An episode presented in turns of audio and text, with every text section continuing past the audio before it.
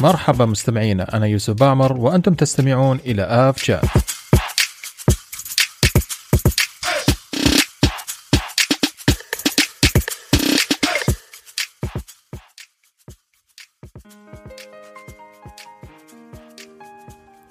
يا أهلا وسهلا فيكم مستمعينا في حلقة جديدة من اب شات.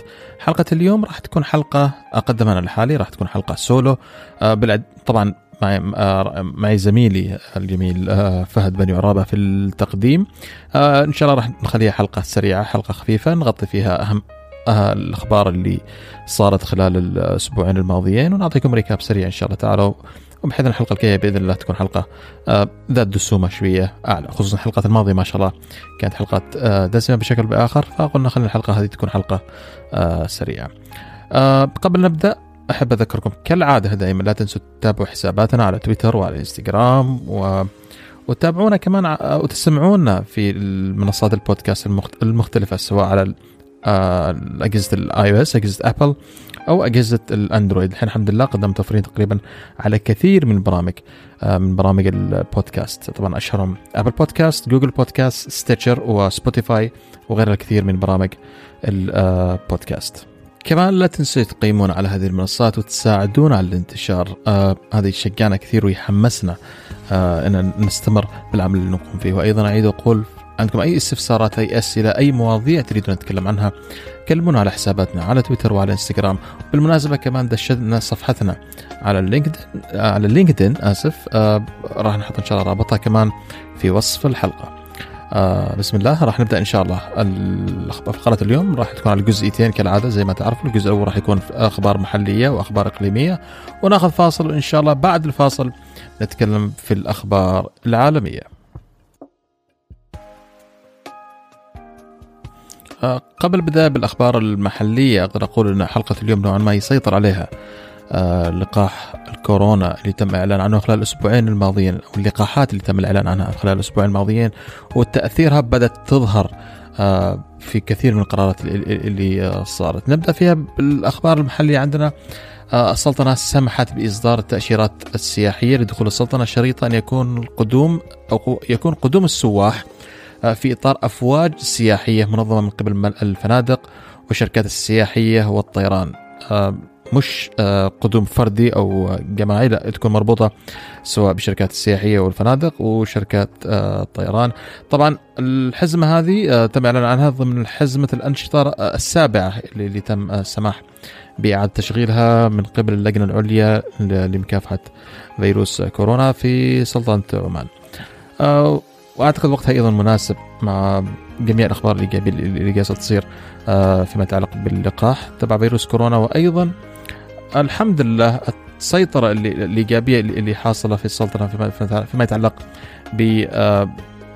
بالمنحنى الوبائي أو الوضع الوبائي بعد الارتفاع للأسف اللي كان حصل خلال الفترة الماضية.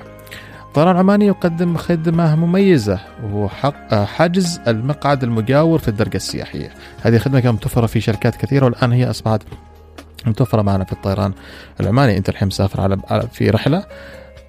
قد تفضل إن المقعد اللي بجنبك يكون فاضي الآن عندك الخاصية أو الخيار أو الحرية إنك تحجز هذا المقعد طبعا برسوم آه ما أعتقد إنها راح تكون آه ما راح تكون رسوم كاملة آه أعتقد خلال الفترة راح تتضح الأرقام هذه بشكل أكثر إن شاء الله تعالى. طيران السلام كمان يز... يعلن عن المزيد من رحلاته إلى الهند إلى مطارات أو إلى مدن جيبور تريفاندام كاليكوت ولكناو. الفترة الماضية طبعا الشركات المحلية طيران عمان طيران السلام نشطوا بشكل بآخر بإعادة فتح الخطوط سواء كانت رحلات إقلاع أو رحلات عودة الأفراد والعمالة إلى السلطنة على حسب الاشتراطات اللي وضعتها اللجنة العليا. هذه كانت خبرين ثلاثة كذا على السريع فيما يتعلق بالأخبار المحلية. الآن خلينا ننتقل إلى الأخبار المحلية بداية بطيران الإمارات. يعتزم أنه يقدم أو راح يبدأ بتقديم منتجات شهية صنعت في الإمارات على رحلاتها ابتداء من تاريخ 2 ديسمبر اللي هو تقريبا من تاريخ تسجيل الحلقة. بما فيها الحلوى الإماراتي طبعا الحلوى الحلوى بحد ذاتها هناك نسخ كثيرة منها أشهرها الحلوى العمانية والبحرينية وأيضا الآن عندنا الإماراتية وأعتقد موجودة في الكويت وقد تكون موجودة في اليمن بشكل بآخر. آه، جميل جدا ان شركات الطيران تبدأ تضع بصمات من موروثها التاريخي آه، على متن هذه الرحلات. خبر أيضا متعلق بالطيران العماني أن بدأ أيضا شركات الإمارات الاستعداد التام لنقل لقاحات فيروس كورونا. آه، بالمثل طبعا طيران الاتحاد أيضا بدأ يشارك في هذه الحملة وقد أعلن خبر مماثل لطيران الاتحاد في الحلقة السابقة. وفي قبل كذا حلقة تكلمنا بإسهاب مع أبو بكر عن أن قطاع الطيران راح يكون العمود الفقري الرئيسي في نقل اللقاح على مستوى العالم. إحنا نتكلم اذا يعني خلونا نفهم الفكرة. إذا كان لقاح من جرعة واحدة إحنا نتكلم حوالي 6 إلى 7 مليار لقاح يجب توزيعها على مستوى العالم. وإذا كان من جرعتين فالرقم هذا يتضاعف إلى 14 إلى 16 مليار لقاح. وهذه أرقام ما هي سهلة. والقطاع الطيران وراح يكون قطاع اساسي في نقل آه هذا اللقاح. وخصوصا زي ما شفنا في الأخبار إن ظروف نقل هذا اللقاح ما هي ظروف آه، سهلة لأن في كل لقاح عن لقاح يفرق. لقاح فايزر مثلا يحتاج إنه ينقل خلال أو في درجة حرارة سالب 70 سيليزيه وهذا تحدي كبير جدا. إنك تهيئ المنظومة كاملة بحيث إنك تحافظ على حرارة اللقاح. أثناء نقله، لقاح آه، اوكسفورد يقال ان درجة حرارته آه، أو يحتاج درجة حرارة حفظ أقل، طبعا لقاح عن لقاح يختلف. مطار حمد يحصل على أو مطار حمد يصبح أول مطار يحصل على تصنيف خمس نجوم في تدقيق تدابير الأمن والسلامة لفيروس كورونا آه شيء كبير جدا يحسب آه مش فقط لمطار حمد وإنما حتى المطارات الخليجية أنها تتقدم دائما خطوة على جميع المطارات في الإجراءات والتطور والاهتمام بالمسافر والصحة والسلامة آه، في في في في المطارات. طبعا طيران الإمارات إذا نتكلم عن آه، سوري الطيران القطرية إذا نتكلم عن مطار حمد هو من أحد شركات الطيران اللي ما توقف وسط جائحة آه، كورونا وكانوا جهود كبيرة زي ما ذكرنا في ربط الشرق بالغرب والشمال بالجنوب وكان حلقة وصل مهمة جدا. الخطوط الكويتية يستقبل الطائرة السادسة ذات البدن الضيق من نوع ايرباص 320 نيو في تولوز. تم تسليم الطائرة هذه ضمن آه، خطة التوسعية للخطوط الكويتية. طبعا هذه أيضا من البوادر الإيجابية اللي تكلمنا عنها في الحلقات السابقة أن بالرغم من هذه الوضع الراهن الوضع الكئيب الراهن لقطاع الطيران عندنا بعض الشركات اللي الحمد لله تعطينا بارقة أمل آه أن إن شاء الله الأمور راح تتحسن. في القريب العاجل من أهم الفعاليات اللي حاصلة عندنا في الخليج خلال الفترة الحالية هو سباق فورمولا 1 والمميز جدا إن في هذا الموسم هناك سباقين فورمولا 1 في البحرين. آه كان سباق الأسبوع هذا وإن شاء الله راح يكون في سباق كمان الأسبوع الجاي طيران الخليج. طبعا كالعادة وراعي رسمي لهذا السباق. وعند آه عزف النشيد الوطني للدولة في هذه الحالة المملكة. آه، دائما هناك يكون استعراض قوي في كثير من الأحوال. عندنا في في مملكة البحرين يكون الاستعراض آه، بطائرات طيران الخليج. وطبعا الأسبوع التالي راح يكون أو بعد طيران آه، سباق البحرين راح يكون هناك سباق في أبو ظبي. وأيضا هناك طيران الاتحاد وأحيانا الإماراتية هم من يقوم بالاستعراض. أتابع للأمانة فورمولا 1 من وقت من وقت إلى آخر. والشيء المميز في حلبة صخير انها هي من أولى الحلبات اللي قام فيها السباق سباق الفورمولا 1 في وقت الليل على اضاءات آه هذا اعتقد أول سباق في التاريخ كان يقام على حلبة صخير في البحرين. تبعتها أيضا آه الآن آه في سباق ثاني في سنغافورة. أيضا في لكن لا زال اللي في البحرين يعني نتكلم فترة ما قبل الغروب الا ما بعد الغروب فشيء مميز جدا لمتابعي آه، عالم الفورمولا 1 آه هذه أخبارنا المحلية والإقليمية أخبار سريعة أخبار خفيفة. خلينا ناخذ فاصل وناخذ لنا كمان أخبار عالمية على السريع ونكمل بعد الفاصل. الموسيقى الخلفية لهذه الحلقة اخترناها لكم من الطيران العماني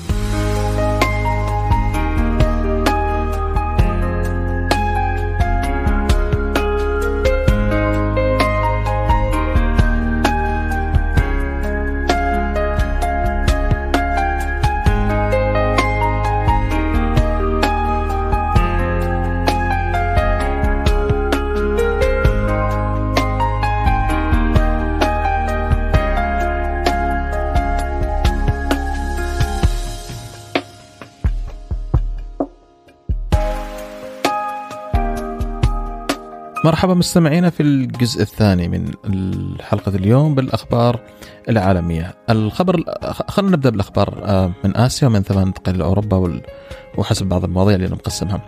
الخبر الأول هو من باكستان حيث أنهم قرروا ببدء اتخاذ تدابير جادة في مطار بيشاور بسبب ازدياد حوادث الاصطدام بالطيور في المطار. قد الكثير منكم قد يعرف إن واحدة من أهم أو أكثر الإشكاليات اللي تحصل في المطارات هي حوادث اصطدام الطائرات بالطيور. آه بعض المطارات تتخذ إجراءات مثل إنها تربي صقور مدربة على مطارده وطرد الطيور من حوالين المطار، بعض المطارات آه تركب سماعات تصدر آه ضوضاء أو على ترددات معينة تطرد هذه الطيور. مطارات ثانية يكون عندها مراقبين بيئيين يتابعوا تواجد الطيور حوالين المطار. بالإضافة إلى أنه دائما يقوم يقوم بدراسات آه، يعني على البيئة المحيطة آه، بالمطار. إذا كان مثلا طيور مهاجرة وما إلى ذلك لازم تاخذوا اجراءات معينة بحيث أن يقللوا من تواجد هذه الطيور في المطارات لأنها تسبب خسائر كثيرة وتهديد طبعا لسلامه الطائرات. يعني okay على الهبوط طائره تنزل لكن تخيلوا على الإقلاع زي ما صارت الحادثة الشهيرة في أمريكا في نهر هدسون فيلم سولي. أعتقد كلكم آه شفتوه الطائره اللي على الإقلاع. آه صدمت بطيور آه أعتقد بط إذا ما إذا ما نسيت. في محركين الطائرات الايرباص 320 ومباشرة آه، فشلت المحركات وتمكن الطيار بمعجزة إنه ينزل الطائرة في النهر. هذه حد هذه موقف كان إيجابي في حين بمقابل الحوادث الثانية للأسف قد تكون أكثر ضرر. فإشكالية كبيرة تواجهها كثير من المطارات وباكستان في مطار بيشاور راح يبدأوا باتخاذ إجراءات آه، قوية لمعالجة هذا ال... وهذه الإشكالية آه، أو الطيور هذولا. طيب الخبر التالي حادثة غريبة صارت آه، في الصين. ألغى المسؤولون في مطار شنغهاي في الصين حوالي 300 رحلة. وأغلقوا المطار لمدة 14 يوم بعد تأكد وجود إصابات بين موظفي المطار بفيروس كورونا. طبعا أدى هذا الإغلاق إلى اضطرابات شديدة في المطار. آه لما قرروا ان أو لما قرروا بعدم السماح لأحد بالخروج من المطار إلا بعد فحص. يتم فحص كل شخص موجود كل كل مسافر بالذات موجود آه قبل يسمحوا لهم بالخروج آه من المطار. آه طبعا بحكم بياخذ وقت طويل. عطفا على عدد المسافرين. آه، صارت هناك احتجاجات كبيرة جدا. آه، في الأخير رضخت إدارة المطارات وسمحت للمسافرين بالخروج. ما أعرف كيف راح يتم متابعتهم فيما بعد لكن الله يسامحكم. طيب الخبر التالي اشتعال طائرة اشتعال نيران في طائرة بوينغ 747 آه، تابعة للخطوط البريطانية في إسبانيا. الطائرة هي طبعا خارجة من الخدمة وكانت واقفة في مطار كاستون في إسبانيا. طبعا لا يتم تبليغ عن أي إصابات قد تكون حريق هذا لأي شيء صار آه، في الطائرة. اللي الفكرة هنا إيش؟ ان الطائرة هذه واقفة في مطار كاستون، ليش واقفة في مطار كاستون؟ وهي خارجة عن الخدمة؟ لأن هذا المطار يعتبر من مقابر الطائرات، الطائرة لما تخرج من الخدمة يتم آه، ترحيلها إلى إلى مقابر منتشرة على على مستوى العالم، المقابر هذه زي ما تقول زي السكراب يارد الخردة. طائرة تقيم هناك ويتم مثل التعامل مع طائرة سواء بيع قطع غيار أو معادن ويعني يتصرفوا بشكل أو بآخر فهي عبارة عن مقابر اصطلاحا موجودة على مستوى العالم. بعد الخدمة يتم تحويل الطائرة هناك. بالمناسبة أيضا الخطوط البريطانية مخزنة حوالي 30 من طائراتها في إسبانيا. طبعا بسبب الأوضاع الحالية وضعف الطلب على السفر. قبل أسبوعين أو قبل قبل الحلقة الماضية لما أنا ما أتكلم فيها انه كان خبر عابر مجرد يعني هبوط اضطراري لأحد الطائرات آه طائرات الشحن من طراز أنتونوف 124 بالمناسبة أنتونوف 124 تعتبر واحدة من أو من ثاني أكبر طائرات الشحن المدنية على مستوى العالم وهي وهي أخت أنتونوف 225 آه، كوين ماري اللي هي تعتبر أضخم طائرة شحن مدنية على مستوى العالم. طبعا هي طائرة واحدة الانتونوف 225 اما الانتونوف 124 موجود منها أسطول يمكن 17 18 طائرة. لا sorry 40 50 طائرات موجودة على مستوى العالم. آه، الغريب في هذا الخبر أو الملفت في هذا الخبر إن شركة فولجا دنيبر بعد بعد الحادثة الأخيرة آه، وهبوط الطائرة هبوط اضطراري بعد فشل في أحد محركاتها قامت الشركة بإيقاف الأسطول كامل إلى حين الانتهاء من التحقيقات آه، اللازمة. شخصيا أعتقد قرار بهذه القوة تاثيرات من تأثيرات الإشكال اللي صارت في الماكس بحكم انها أيضا هناك صارت مشكلة. طبعا الطائرات هذه ما هي طائرات متطورة كثير من الداخل تعتبر طائرات نوعا ما من الطراز القديم ودخلت أنا للانتونوف 124 في مرة من المرات من داخل كلها gauges كلها عدادات. ما ما في شيء. شاشات زي ما موجودة في الطائرات الحديثة. ننتقل إلى خبرين عن الماكس على ذكر الماكس في الخبر التالي السابق. آه، الخطوط الأمريكية تمهد لعوده الماكس 737 آه، اعتبارا من 29 ديسمبر. نتكلم آه، بعد أعياد الكريسماس عندهم راح تبدأ الطائرات طائرة الماكس بالعودة. طبعا هذه في الخطوط الأمريكية American Airlines وكمان في البرازيل هيئة الطيران في البرازيل توافق على عودة الماكس. على ذكر الماكس وذكر كورونا اياتا يعني توقع خسارة القطاع الطيران إلى الآن من بداية جائحة كورونا آه، بما يقدر ب 118 مليار آه، دولار ورئيس التنفيذي. آه، أعلن تنحي عن منصبه بحلول مارس من العام القادم. طبعا الرقم هذا 118 مليار ما جاء بعد منثورة طبعا كلنا شايفين هذا الشيء. وكحسبة سريعة في تأثر القطاعات أو الأقطار آه، بالجائحة انكمش قطاع الطيران في أوروبا ما يعني هو انكماش قطاع الطيران في أوروبا وصل تقريبا 93% مقارنة بنفس الفترة آه، العام السابق. قريب جدا من وضع في الشرق الأوسط اللي واجه آه، واجهنا في انكماش بلغ حوالي 88% أما في آسيا, آسيا طبعا كان الضرر شوية أقل وبلغ الانكماش هناك عندهم حوالي 76% أعتقد هذا الشيء مدعوم بانتعاش الحركة في الصين. يستعد العاملين في مطار فرانكفورت لتجهيز آه التجهيز المبدئي لتوزيع اللقاح لقاح آه كوفيد فيروس كورونا طبعا. آه يعتبر مطار آه فرانكفورت واحد من أكبر مراكز توزيع اللقاح على مستوى العالم بحكم أن ألمانيا توقع في النص وفيها مصانع اللقاحات. أعتقد فايزر بالتعاون مع مراكز الطبية في ألمانيا أو بلجيكا. آه، فتوزيع اللقاح راح يكون واحد من مراكز توزيع اللقاح أو اداره توزيع اللقاح على مستوى العالم راح يكون من ألمانيا. وبدأت أو بدأوا المسؤولين في مطار فرانكفورت تجهيز آه، الحاويات النقل طبعا للقاح آه، فايزر زي ما ذكر قبل شيء درجه الحرارة أو درجة حفظ اللقاح أثناء النقل تعتبر ظروف صعبة شوية لكن إن شاء الله راح يكون قدها في نقل هذا اللقاح. آه، رئيس كانتاس آه، يقول إن شرط أخذ اللقاح راح يكون أساسي للسفر على متن آه، رحلات الشركة. طبعا حاليا الوضع الحالي في كثير من الرحلات أو اغلبها لازم يكون عندك فحص PCR. في المستقبل مع توفر الآن اللقاح إنك تكون أخذت اللقاح راح يكون واحد من الشروط الأساسية حتى يسمح لك بالسفر على كانتس لكن أعتقد الأمر راح راح ينتشر آه للشركات الثانية طبعا لا يوجد هناك قانون يفرض على الشخص إنه يأخذ اللقاح آه على مستوى العالم ما أعتقد في قانون زي هذا موجود لكن هذه أيضا من الحرية الشخص من القرارات الداخلية للشركات تقدر تقرر إنها تلزم المسافرين بأخذ اللقاح للحفاظ على السلامة آه والصحة على متن آه رحلاتها وأيضا الحفاظ على السلامة والصحة للمسافرين على متن رحلات كانتس أو أي شركات ثانية. في المقابل طيران دلتا الأمريكي. آه طبعا أعلنوا بالتعاون مع السلطات في إيطاليا انه راح يبدأ بتسيير رحلات بين البلدين بين مطار بين آه أمريكا و آه sorry مطار أتلانتا ومطار روما. لكن المميز إنه راح يكون أو راح تكون الرحلة هذه بدون حجر صحي عند الوصول. في كثير من الدول زي ما نعرف الآن على الوصول هناك حجر صحي. ثلاثة أيام سبعة أيام 10 أيام 14 يوم على حسب الاشتراطات مع وجود طبعا فحوص PCR واحد اثنين على حسب القوانين الدولية. أما هذا هذه راح راح تكون بدون وجود شرط الحجر الصحي. وإنما يشترط على المسافر انه قبل لا يسافر يكون عنده شهادة PCR سلبية قبلها بالأقل أقل شيء ثلاث أيام آه من السفر. طبعا لما يوصل إلى مطار آه أتلانتا راح يكون هناك فحص antigen سريع.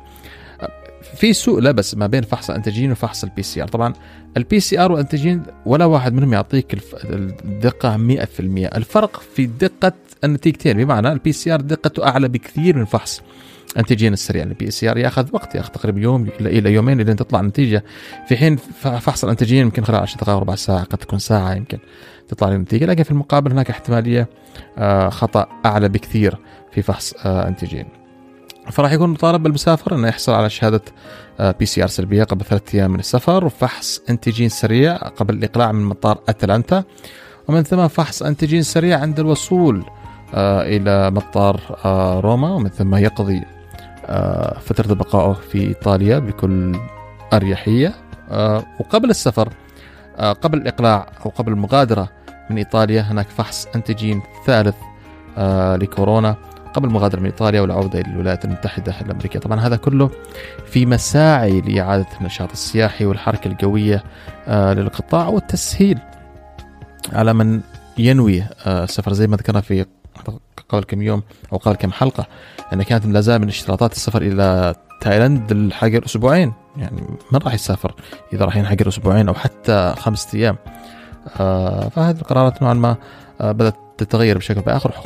وخصوصا مع التعرف أكثر على اللقاح و... sorry التعرف أكثر على المرض والفيروس نفسه.